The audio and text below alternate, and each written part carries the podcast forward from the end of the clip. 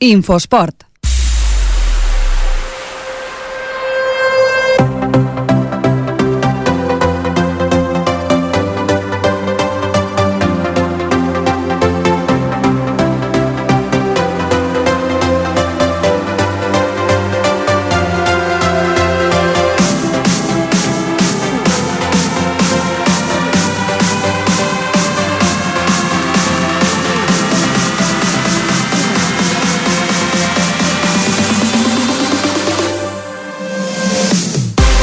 Molt bona tarda, benvinguts a l'Infoesport, el programa de l'actualitat esportiva de Ripollet, d'aquí a Ripollet Ràdio.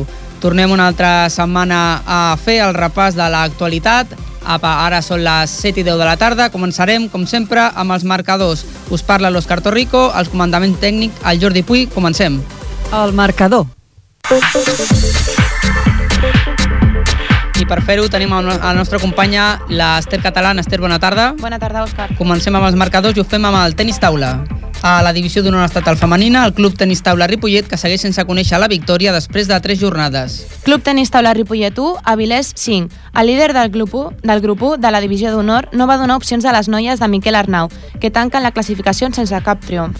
Passem al futbol. A la segona catalana, el Club de Futbol Ripollet empata davant un rival directe en la lluita per l'ascens. Ripollet 0, Carmelo 0. És el tercer partit de la temporada en què no marca gol l'equip de David Ortiz, que és sisè a la classificació, amb 22 punts, a 6 del líder molletense i a 2 de la promoció d'ascens que ocupa el Mataró. Baixem cap a la tercera catalana, tercer triomf consecutiu del primer equip de l'Escola Futbol Base, que acumula 7 partits seguits sense perdre. Palau Tordera 0, Escola Futbol Base 4.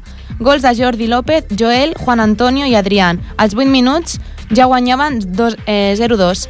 Escala fins a la setena posició amb 17 punts. Seguim a la tercera catalana, el Pajaril suma la primera victòria a domicili de la temporada i es retroba amb el triomf després de dues jornades sense aconseguir-ho. El Llano Sabadell 1, Pajaril 4. Dos gols d'Isma Chamón i un de Javi Martínez i Eros Blanco, davant d'un rival directe per evitar el joc d'as- d'ascens. El Pajaril assoleix el tercer triomf en 11 partits. Ara és 12 amb 12 punts sumats. A la quarta catalana, baixem una altra categoria, el Camp Mas segueix sumant els seus partits, tots per derrotes. Can Mas 0, Escola Futbol Barberà 4. Suma, tot, suma tots nous partits, derrotes i segueix quart. Cué. Quart, Cué, no, Oh, sí, tampoc sí. són tan, tan, tan similars, eh? Segueix Cué.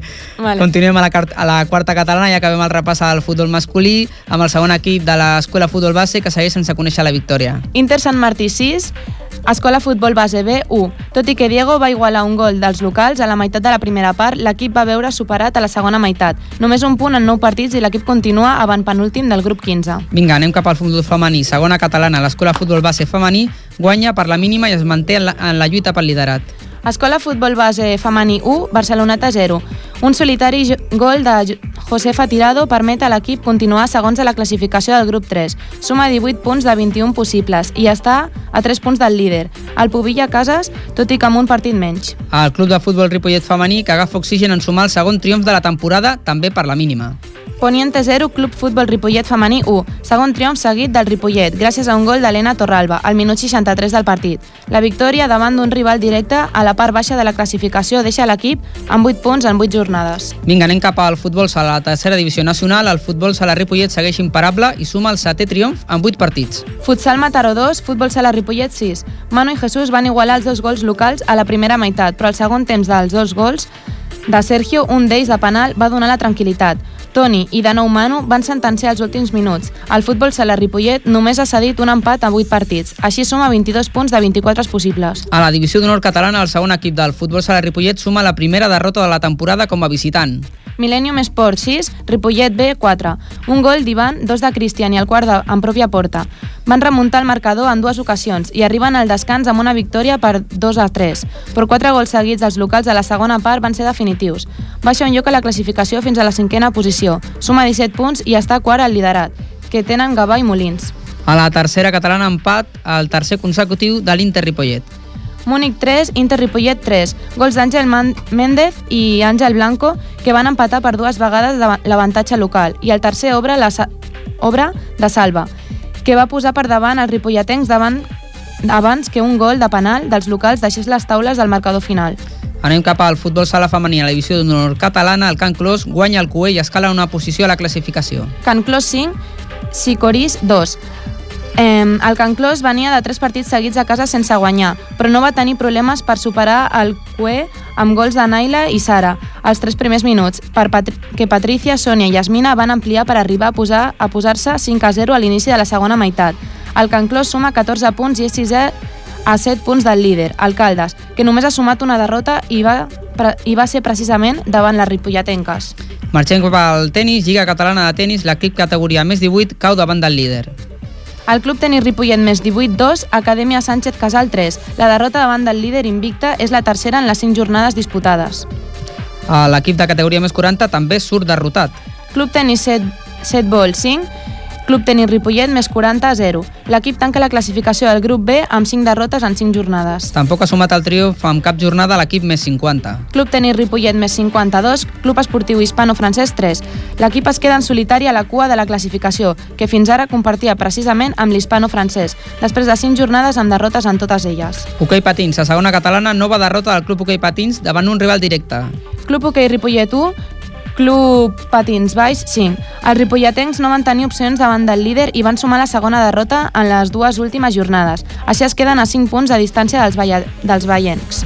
Bàsquet, primera catalana, suma una altra derrota contra el Viladecans als jugadors del Club Bàsquet Ripollet. Club Bàsquet Viladecans 69, Club Bàsquet Ripollet 44. Nova derrota, primera catalana en un partit poc treballat i, molt, i poc intens. A la tercera territorial, el Luca Store invicta la classificació. Lucas Toregassó, 67, Clínica Dental Camparallada, 60. 7 partits jugats i cap derrota. Són primers a la classificació. Seguint la tercera territorial, nova derrota per al segon equip del Gassó. Club Bàsquet Gassó B, Club Bàsquet Pedagogium B. 7 partits perduts eh, de 7 jugats. Es col·loquen últims a la classificació. I tanquem a la tercera eh, territorial, derrota fora de casa pel segon equip del bàsquet Ripollet. Mm. Font Castellana B, 64, Club Bàsquet Ripollet B, 48. Segona de derrota lliurada, lliurada, lliutada perdó, per l'equip ripolletenc. Es col·loquen així segons a la classificació. Vinga, tanquem el bàsquet a la tercera catalana femenina. El bàsquet Ripollet eh, suma una nova victòria en un partit molt important. Club Bàsquet Ripollet 39, Barça Club Bàsquet Grana 31. Les blaves guanyen a casa en un partit decisiu per col·locar-se a les primeres posicions de la classificació abans que s'acabi la jornada. I tancarem els resultats amb l'handbol. A la tercera catalana, el grup Handbol Ripollet, que ha sumat una nova victòria. Handbol Garbicé de Palafrugell 34, Club Handbol Ripollet 35. 5 de 5 i segons a la classificació, només per darrere de l'handbol Bordis, que porta un partit més. Doncs moltes gràcies, Esther. Bona tarda. A tu. Ens veiem després. Bona tarda. Continuem. De la setmana.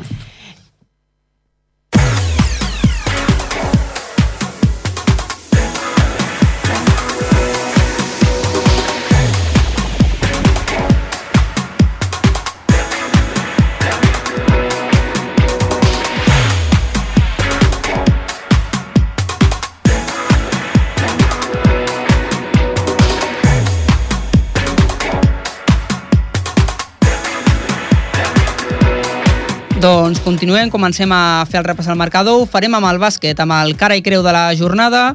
Uh, aquesta jornada el Club Bàsquet Ripollet, com comentàvem abans, perdia el seu partit. La nostra companya Esther Catalán, que segueix aquí, Esther, Bona tarda. doncs ens explica una mica com va anar aquest partit. Eh, sí, una altra derrota que suma el Ripollet, aquesta vegada contra el Viladecans. Partit poc intens i lluitat per part dels locals. El partit es va caracteritzar per una defensa molt fluixa i un encert molt baix tant en tirs de 2, un 33%, com en tirs de 3, 17%. Percent. Vam parlar amb Gerard Becerra, alè de l'equip, perquè ens expliqués com va veure el partit. Partido muy complicado, lo sabemos desde el lunes que nos avisó el míster y aún así no hemos trabajado como deberíamos. Mm, Yo personalmente no tenía muy buena espina de cómo iba el partido. Evidentemente ha ido mal. Creo que mala defensa, muy muy mal ataque. Mm, 44 puntos lo reflejan.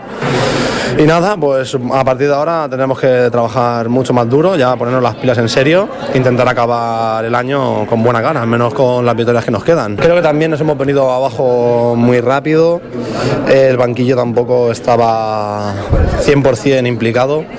Nos hemos visto se han escapado de 6-7 y ya nos veíamos derrotados y estrenando del primer cuarto ya. Y claro, Antes del descanso creo que nos hemos puesto empate, incluso por encima, pero ha sido un espejismo y en el tercer cuarto rápidamente nos han metido un parcial de 8-0, creo 10-0, se han ido y no hemos tenido capacidad de reacción. Bueno, básicamente es eso lo que he dicho, poco trabajo durante la semana, decir que el miércoles éramos cinco entrenando, un equipo de primera, o sea que habrá que hacer un planteamiento, un reset y empezar de nuevo. Y intentar llegar a la dinámica que teníamos al principio, que ni somos ahora tan malos ni antes éramos tan buenos, pero hay que ponerse las pilas sí o sí, y eso es entrenando. Ni culpa del entrenador, ni de árbitros, ni historias. La culpa es nuestra, como antes, como ganamos nosotros, perdemos nosotros. Así que en, colectivo tenemos que espabilar, sí o sí. Les baixes i la poca intensitat als entrenos es van veure reflectides al partit. Van començar el primer quart estàtics, fent jugades però treballant massa lents. Per la seva part, el Viladecans tampoc va fer pressió defensiva. Això va permetre un quart molt tranquil i amb força oportunitats de cistelles, però poc aprofitades. Els àrbitres, per la seva part, van deixar molt, molt poc contacte, fet que va posar els dos equips en bandera al llarg de gairebé els 40 minuts. El quart va acabar amb un 11-8 al marcador. Al segon quart augmenta la intensitat i rapidesa, però els blaus comencen a precipitar-se en l'atac i deixar de marcar jugades. Al minut 4, els Altatxer es posen per davant al marcador, però és una remuntada momentània, i el Viladecans augmenta el ritme i tornen a posar-se per davant, deixant un marcador 31-27 a la mitja part. El descans no els va ajudar a entrar al partit. Van sortir igual, molt descontrolats i poc encertats als tirs, i amb una intensitat defensiva molt baixa, moment en què la derrota es va veure més clara. El Viladecans va marxar d'11 al marcador. Al darrer quart, els blaus van continuar sense jugar res, mentre que els del Vila jugaven i movien la bola, donant pas, donant pas a atacs aparentment senzills i deixant un marcador final 69-44. El resultat demostra clarament el mal partit dels Altatxer. Hauran de treballar més si volen aconseguir una bona posició a primera. De totes maneres, és una lliga molt disputada, ja que van empatats des del tercer, que és el Viladecans, fins als 600, que són el de Ripollet. Doncs eh, aquesta era la, la creu de la jornada, la cara era l'equip femení del Club Bàsquet Ripollet també, que a la tercera catalana doncs, va tenir millor sort i va guanyar després de dues jornades sense aconseguir-ho. Va, va vèncer l'equip al Barça Gran a Sant Feliu per 39 punts a 31, en un partit tens i que va estar carregat d'errades per una i altra part. L'equip entrenat pel David Igualada va jugar a batzegades. Va il·lusionar amb un parcial 11 a 1 en els primers 3 minuts, però després es va apagar i va estar 9 minuts i mig sense anotar cap punt. Això va permetre al rival posar-se per davant al marcador, però amb una nova onada d'encert, les jugadores van recuperar la batuta al marcador al descans i el Ripollet se n'anava 17 a 15 al descans als vestuaris. La notació va seguir baixa al segon temps, amb molts errors en els llançaments, però dos triples de Nora al tercer quart mantenien a l'equip dintre de, del partit, tot i que la gran protagonista va ser la Neus Parralejo, que a partir del, del 30 a 29 en el, en el Lluminós doncs va notar 9 punts consecutius en els últims 5 minuts que van certificar el triomf. La Neus ens explicava la importància d'aquest triomf al final del partit. La veritat és que ha sigut una victòria molt important. Portàvem els dos partits perduts, dels tres últims, que en teoria havien de ser fàcils, hem perdut dos, i aquest que era en teoria un dels més difícils perquè són unes noies que van per dalt. Eh, bueno, al final hem sortit molt concentrades, hem fet uns entrenos molt, molt concentrades durant tota la setmana i eh, quan s'entrena bé, es juga bé. Eh, la veritat és que ni, ningú s'ha- ninguna jugadora s'ha marxat del partit i a mi, bueno, diu, dius que he ficat els 9 a l'últim quart, però la veritat és, no, no estava molt encertada, però és el que et dic, ningú ha marxat del partit, hem estat concentrades i si està concentrat al final les coses surten bé, encara que no t'entri, s'ha defensat molt bé durant tot el partit i crec que s'ha portat molt durant tot el partit i al final també elles han vist que el temps eh, començava ja a quedar molt poc temps i han intentat eh, posar-se per davant tirant. I jo crec que, bueno, això ens ha passat a tots, però quan queden encara 5 minuts i vas 5 a baix, queda molt partit i no t'has de concentrar en tirar perquè després et canses més amunt avall i jo crec que no és una bona manera de posar-te per davant, però bueno, i ens ha anat bé perquè no s'ha ficat. Important perquè era un rival directe, no?, d'aquests que estan a, a la part de dalt de la classificació. Sí, eh, no recordo malament, han perdut un partit només i, i es veu que són intenses i que si, si els hi entressin tampoc els hi ha entrat tot, però bueno, jo crec que és un, no, és un partit, no és un partit que hàgim perdut, sinó que l'hem guanyat. Els últims partits els hem perdut nosaltres perquè hem, ens podríem haver, ens hem sempre tirat algun quart, eh, l'hem tirat i això ens ha, perjudic, ens ha perjudicat, però avui eh, hem estat eh, concentrades als quatre quarts i jo crec que aquest partit ens hem guanyat nosaltres. Doncs aquesta era la valoració positiva de la Neus, l'equip que suma la cinquena victòria de la temporada i se situa a dos del liderat que ocupa el bàsquet Jordà Sant Boi. Futbol, futbol.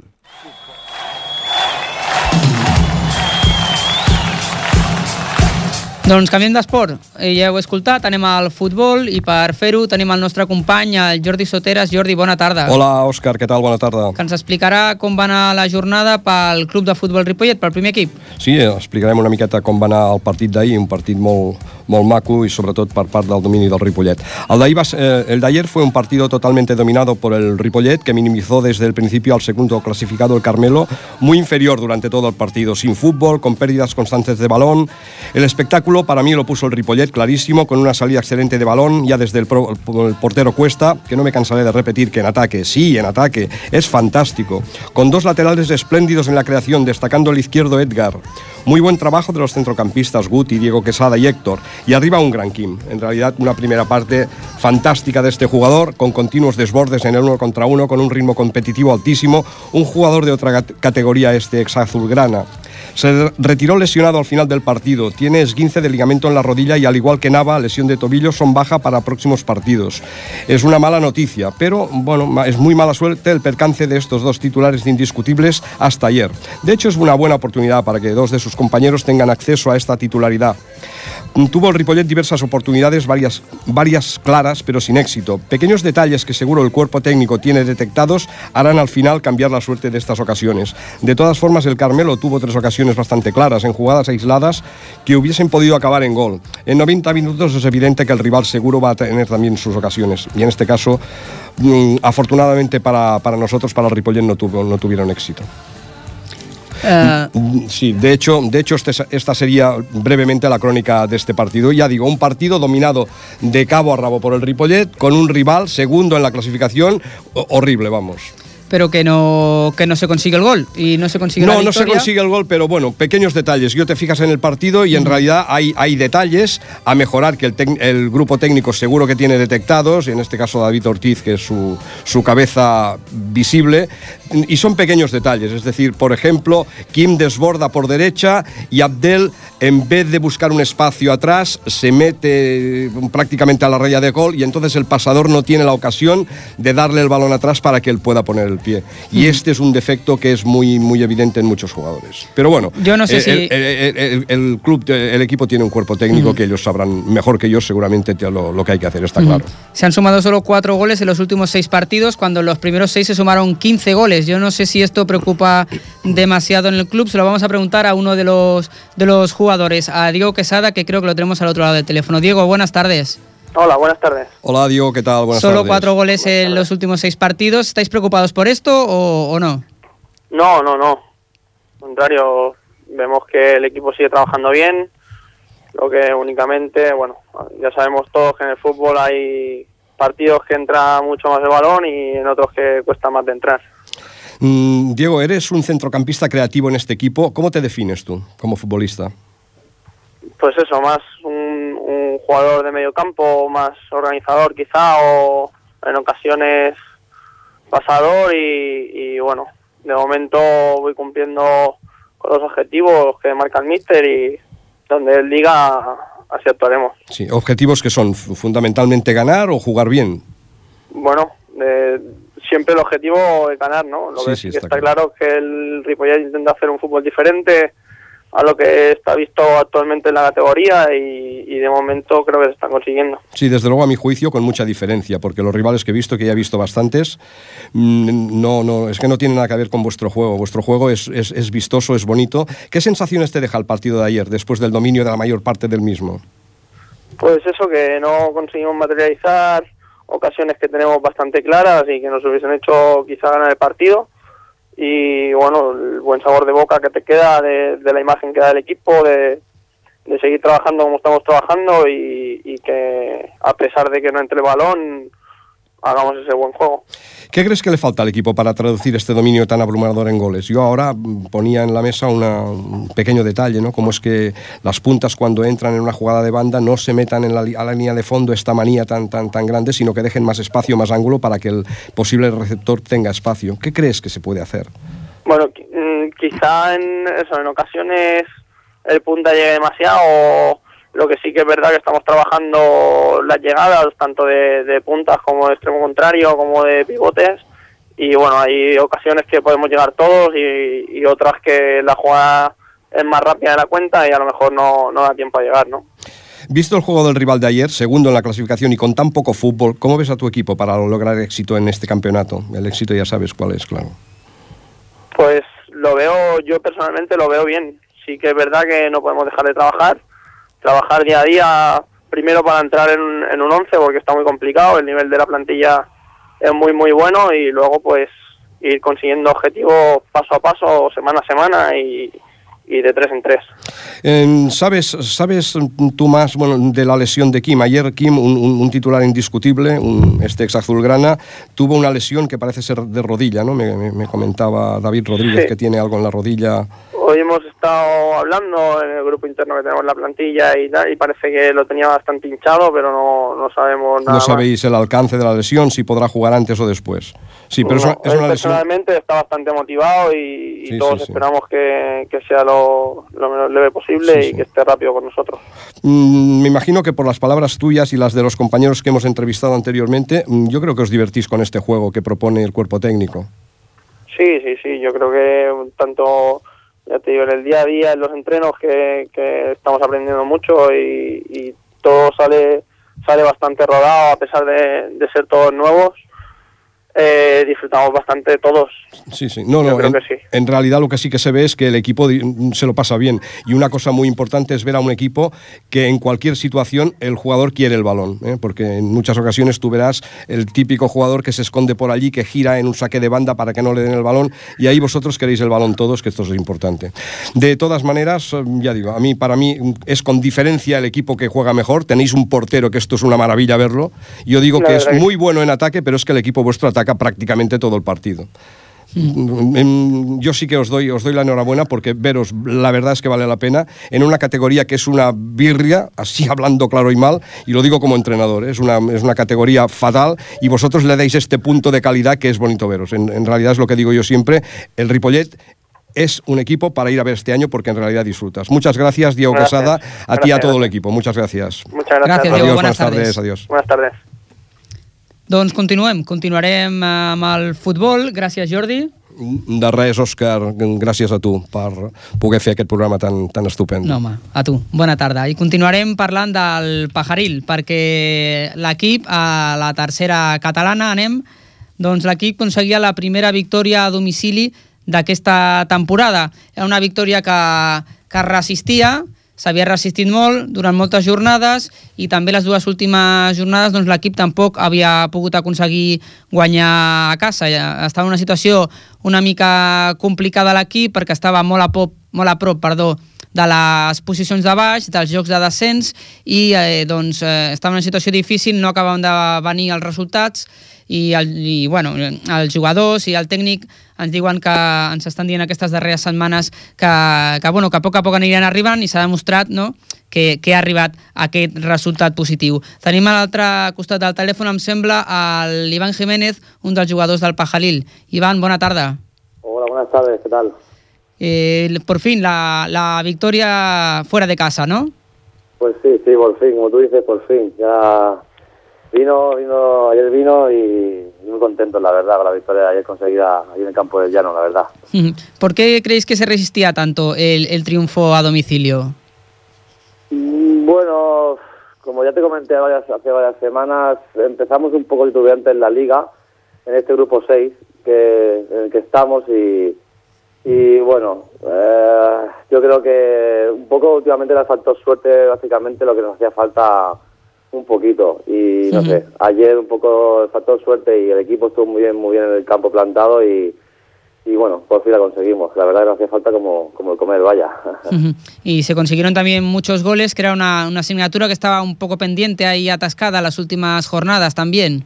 Pues sí, sí, sí, como tú dices, mira, ayer... 1-4. 1-4, a ver, ayer la verdad que, que nos entró todo, nos entró todo. Tal y como otros días a lo mejor hemos tenido infinidad de ocasiones y hemos fallado de cara a puerta, ayer, mira, ayer estuvo muy acertado de cara a puerta y, y mira, metimos cuatro goles, incluso hubo un quinto que el árbitro lo quiso anular por fuera de juego, dice, que, pero bueno, fueron cuatro goles y mira, lo importante fue la victoria, tú, pero Ujú. bueno, estuvo muy bien. Sumar 12 puntos a estas alturas no es demasiado bagaje, pero como mínimo os da un poco de tranquilidad porque teníais muy cerca ahí esos puestos de peligro, ¿no? Pues sí, sí, sí, la verdad es que sí, estamos ahí, la verdad llevamos ahí varias jornadas titubeando ahí con el, con el descenso, posible descenso y estos tres puntos la verdad que nos dan un oxígeno muy grande y, y bueno, a ver si la semana que viene en casa conseguimos tres puntos que serán muy, muy importantes y, y ya un poco más de tranquilidad nos daría, vaya. Y eso también da, da ánimos al, al ver que, que- que van saliendo las cosas que, que por H o por B pues hasta ahora no, no habían podido salir.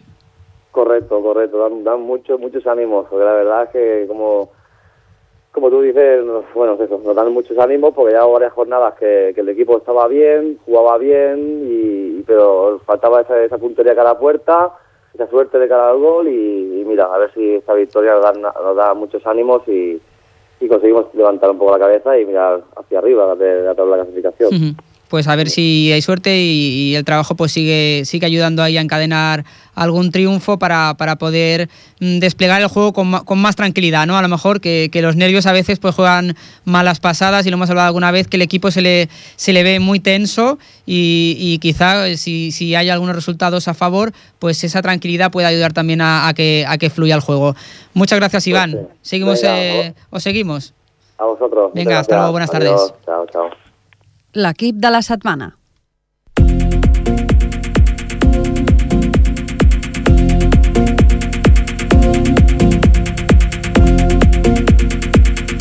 Doncs canviem d'esport i anem cap al futbol sala i tenim per això el nostre company, el Brian Calvo, per explicar-nos eh, un dels resultats d'aquest cap de setmana, que és la victòria, la important victòria del futbol sala Ripollet a domicili. Brian, bona tarda. Bona tarda, Òscar. El, el futbol sala Ripollet ha guanyat aquest cap de setmana fora de casa a la pista del futsal Aliança Mataró per 2 a 6. L'equip ripolletenc va fer, té com a golejadors Manuel Campos per dos cops, Jesús Díaz, Sergio Oruj per dos cops i Antonio Moreno. El partit va començar amb derrot eh, perdent l'equip ripolletenc amb 1 a 0, però immediatament va respondre remuntant el resultat. Eh, Es situa líder a la classificació amb 22 punts, empatat amb el segon, el Parets, porta en 8 partits, un menys que la majoria de rivals. S'ha de destacar que un dels jugadors ripolletens, Òscar Prieto, porta 17 gols en 7 partits. És un nou fitxatge i és segon a la taula de- golejadors, però té la millor mitjana golejadora de la categoria. Doncs aquest és el resum de, del partit, eh, l'equip del Nico Sebane que segueix eh, marcant la pauta i segueix, només ha cedit dos punts en, la, en les vuit jornades i, i, i continua doncs, molt, molt ben encarada aquesta temporada. Sí, recordem que el proper partit és a casa davant el futsal Arenys de Mar, el proper dissabte. Molt bé, doncs seguirem. Us recordem que esteu escoltant l'Infoesport, que us expliquem l'actualitat esportiva de Ripollet, la 7 i 38. Seguim. Tenis taula, tenis taula, tenis...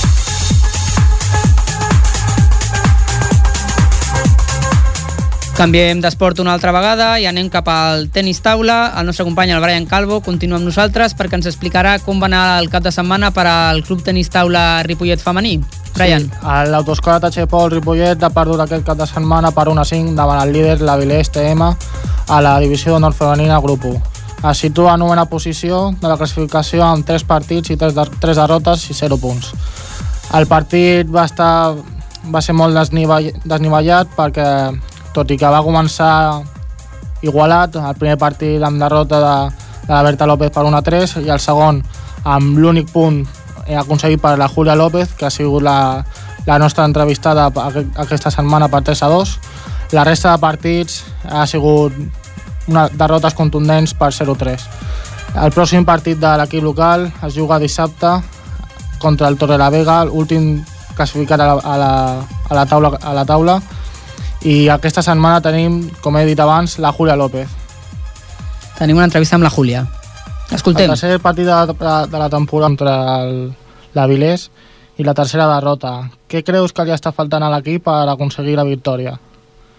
Bueno, jo crec que no és que els hi falti alguna a l'equip, sinó que també ens hem enfrontat contra els equips més forts ara al començament de la Lliga i bueno, suposo que als següents partits eh, sí que hi haurà victòries i bueno, de moment les sensacions han estat, estan sent bones per part de les jugadores i no crec que hi hagi un problema de l'equip, sinó que és una qüestió de que les contrincants també són eh, bastant fortes. En aquest partit en concret, eh, a, part, a partir del tercer punt, va obtenir un parcial global de 0-4, que va ser definitiu pel resultat. Quina explicació li dones a tot això?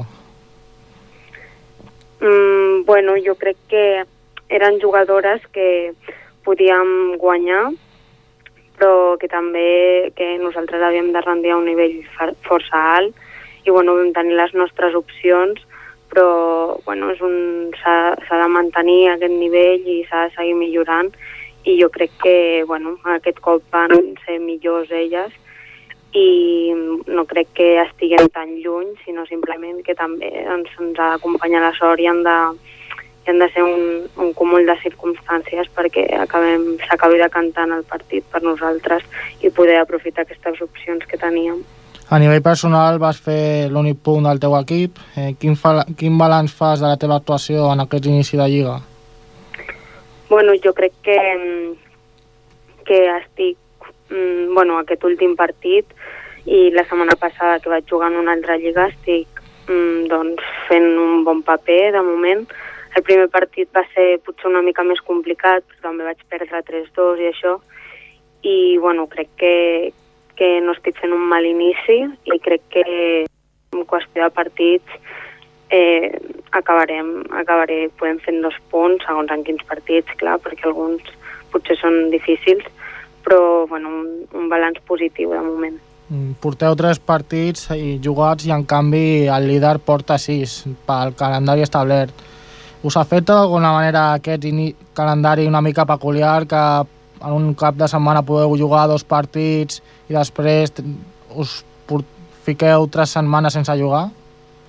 Bueno, jo crec que és un, que és un calendari que no va massa bé perquè si hi ha tant d'espai entre els partits eh, hi, ha, hi ha massa descans i no, i no pots aprofitar eh, tant el fet de, de mm, quan perds un partit després d'aplicar les coses noves que puguis anar entrenant a l'altre i crec que és una parada que no va massa bé. Una mica el ritme de competició, no? Eh, sí, eh, això. sí, sí, això doncs ja quan comences a jugar partits més seguits i això, doncs ja entres en una dinàmica diferent i que aquestes parades no beneficien molt. Però bueno, ja cap a, cap a, ara ja començarem a jugar més seguit i ja agafarem més aquest ritme de competició. I per últim, el proper partit contra el Torre la Vega, que és últim a la Lliga amb 0 punts, igual que vosaltres, però amb un partit més. Creus que, creus que pot ser una oportunitat ideal per pujar posicions a la, a la classificació i aconseguir aquesta primera victòria? Sí, jo crec que bueno, és un partit que s'haurà de jugar, però que tenim més possibilitats que amb els, que amb els equips que hem jugat fins ara, i bueno, crec que, és un, que és, seria el partit ideal això per, per fer la primera victòria i crec, bueno, esperem que sigui així i poder iniciar ja aquest, aquestes victòries que ens fan falta per mantenir una bona posició a la Lliga. Bé, doncs molta sort per aquest partit i en definitiva que pugueu aconseguir, aconseguir l'objectiu final de la temporada. Vale, molt bé, moltes gràcies. Les 7 i 44 minuts, seguim aquí a l'Infoesport. Hockey, hockey, hockey.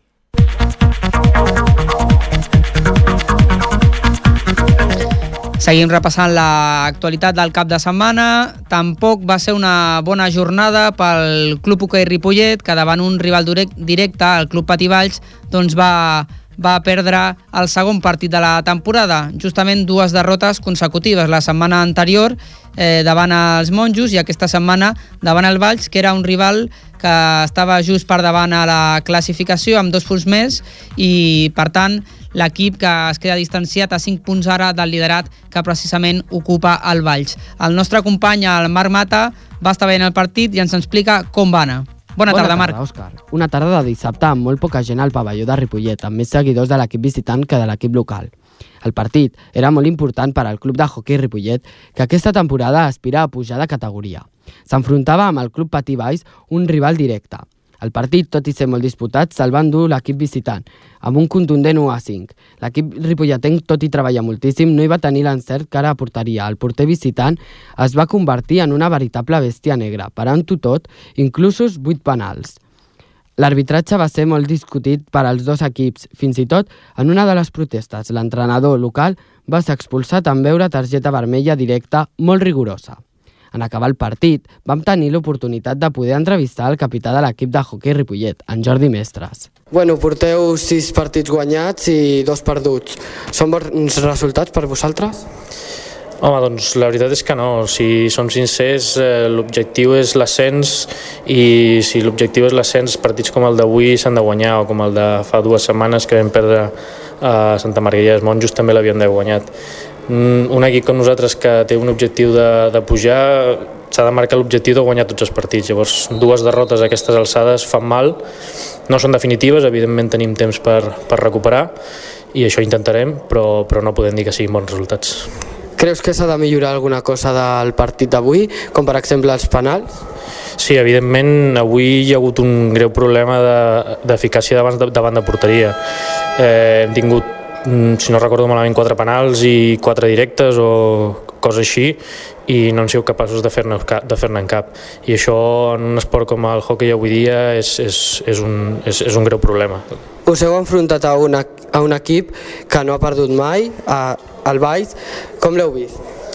Bé, és un equip molt seriós, un equip que sap molt bé el que ha de fer, té, molt, té jugadors amb molta experiència eh, i, i tenen ofici, allò, això que es diu ofici, de saber ben bé en tot moment què és el que han de fer.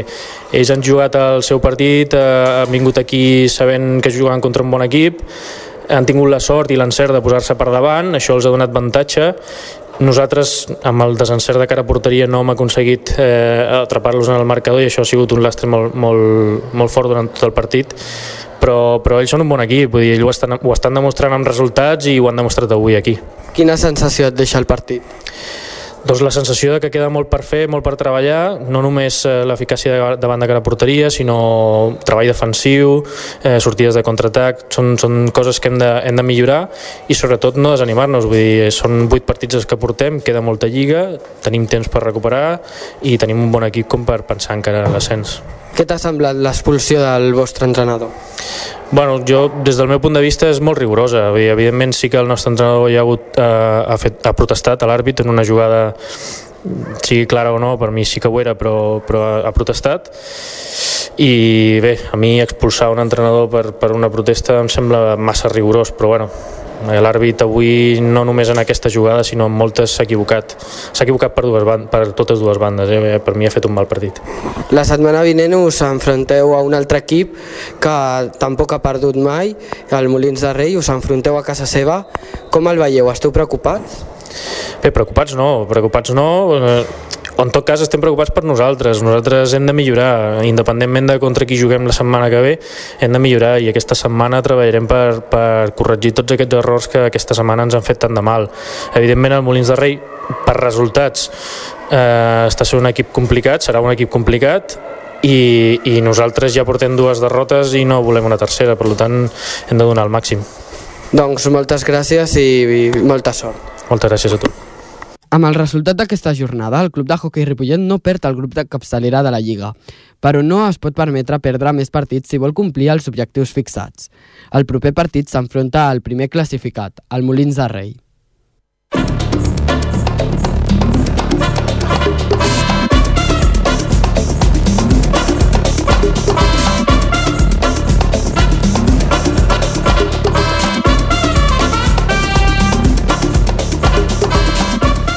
Doncs com cada setmana acabarem amb la secció Febre d'Esports, en la qual us apropem als joves esportistes de la nostra ciutat, les, els joves, els nois i les noies que practiquen esport i que ens ho venen a explicar aquí la seva experiència amb, amb les diferents disciplines. Aquesta tarda la nostra companya l'Ester Catalana. Ester, bona tarda de nou una altra vegada. Bona tarda, Òscar. Ens ha portat eh, unes noies del, del Sant Gabriel, de bàsquet. Sí, són de la Berta i la Maria i l'entrenadora la Anna del Sant Gabriel del Premini. Bona tarda a totes. Bona tarda. Premini, això quina edat vol dir? Pues jo tinc 8 anys. I la Berta? 8. 8 també. Sí. Déu-n'hi-do, ja esteu en, a, en això del bàsquet ficades, Esther. És el primer any que jugueu a bàsquet o ja porteu més anys? És, eh, és el meu primer any. Sí? I que abans feies algun esport més? Patinatge. I per què ho vas deixar? Perquè em feia molt mal caiem i jo no volia caure més. Llavors vaig vindre al bàsquet. Però el bàsquet també caus, eh? Sí. Sí? I què, què t'ha semblat el bàsquet? Pues m'agrada, és xulo i pues mm, no sé, és divertit Però per què t'agrada?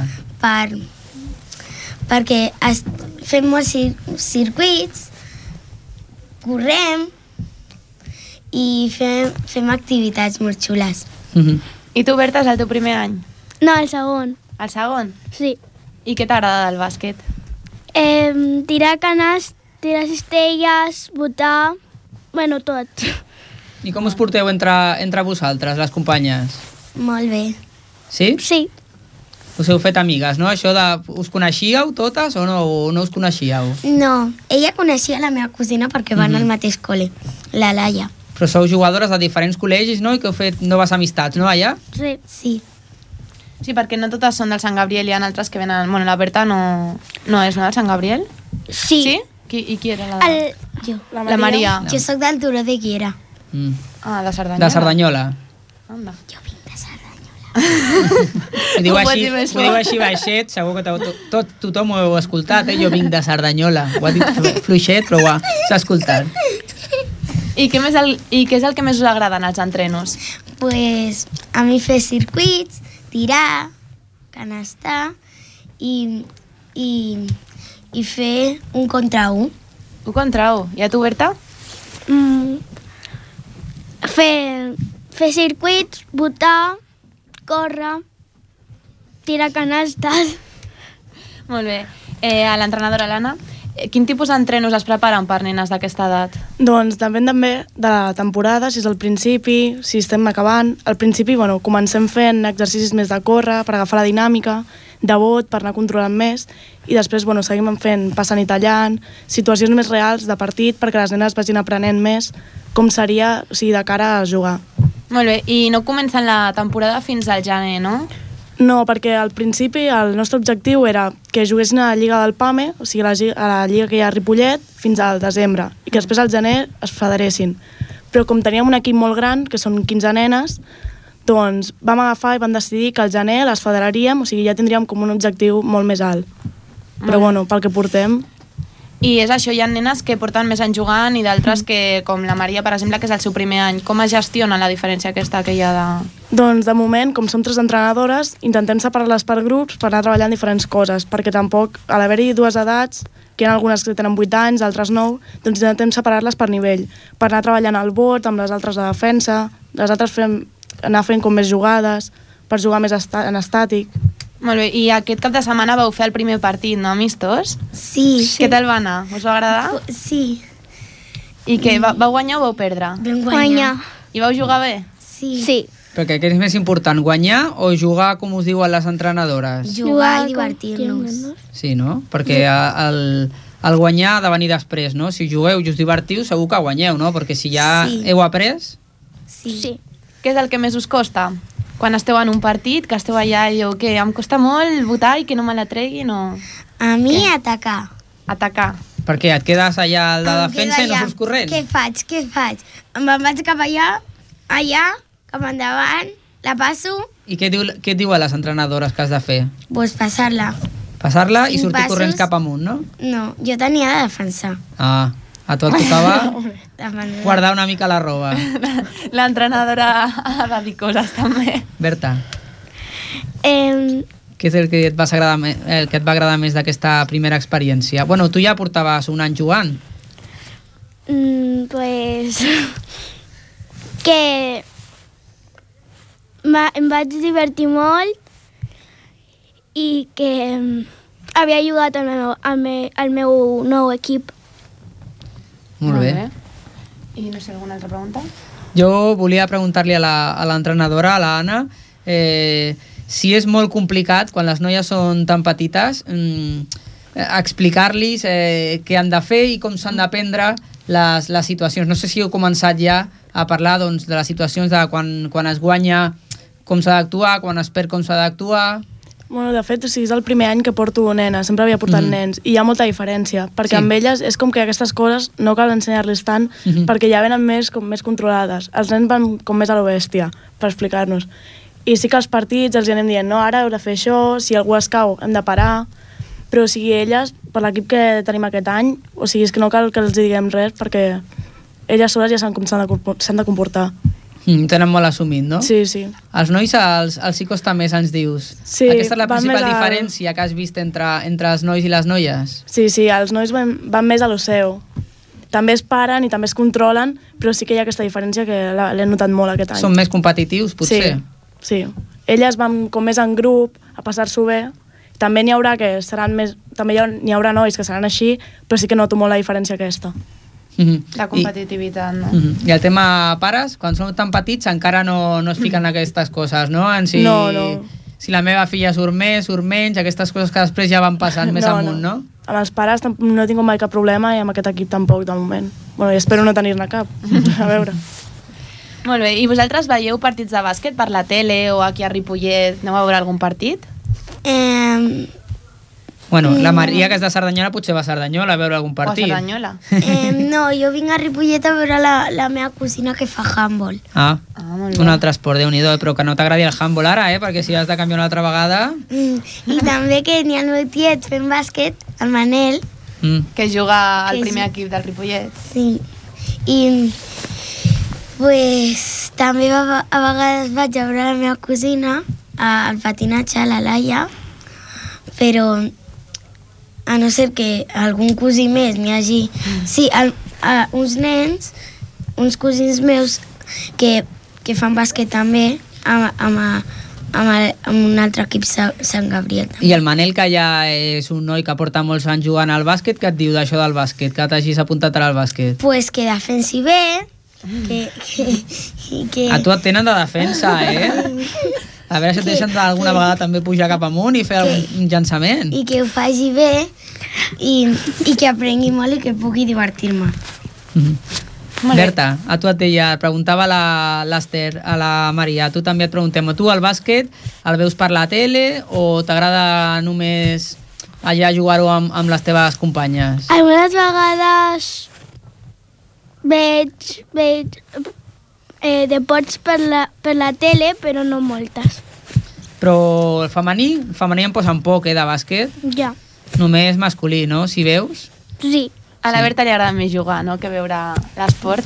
Ara per això tenim molts jugadors famosos de bàsquet, eh? Potser algun dia arribeu a, a algun lloc d'aquests, a- al Pau Gasol, al Marc Gasol, algun d'aquests, o penseu que podeu arribar a jugar com aquests nois o jugueu perquè us agrada i el que vingui ja està? Perquè m'agrada el bàsquet i m'agrada divertir-me. Molt bé, doncs us, deixe, us desitgem que, que seguiu gaudint, que disfruteu molt i que la, la i les seves companyes us hagin ensenyant moltes coses i seguiu gaudint de, del bàsquet. Moltes gràcies a totes per venir, gràcies a les famílies també per, per portar-les al nostre programa. Gràcies, Esther. Moltes gràcies. Doncs aquí acabem. Eh, el proper dilluns, a partir de les 7 i 5 de la tarda, ens tornarem a retrobar aquí a l'Infoesport, el programa de l'actualitat esportiva de Ripollet. Bona setmana. Ens veiem el proper dilluns.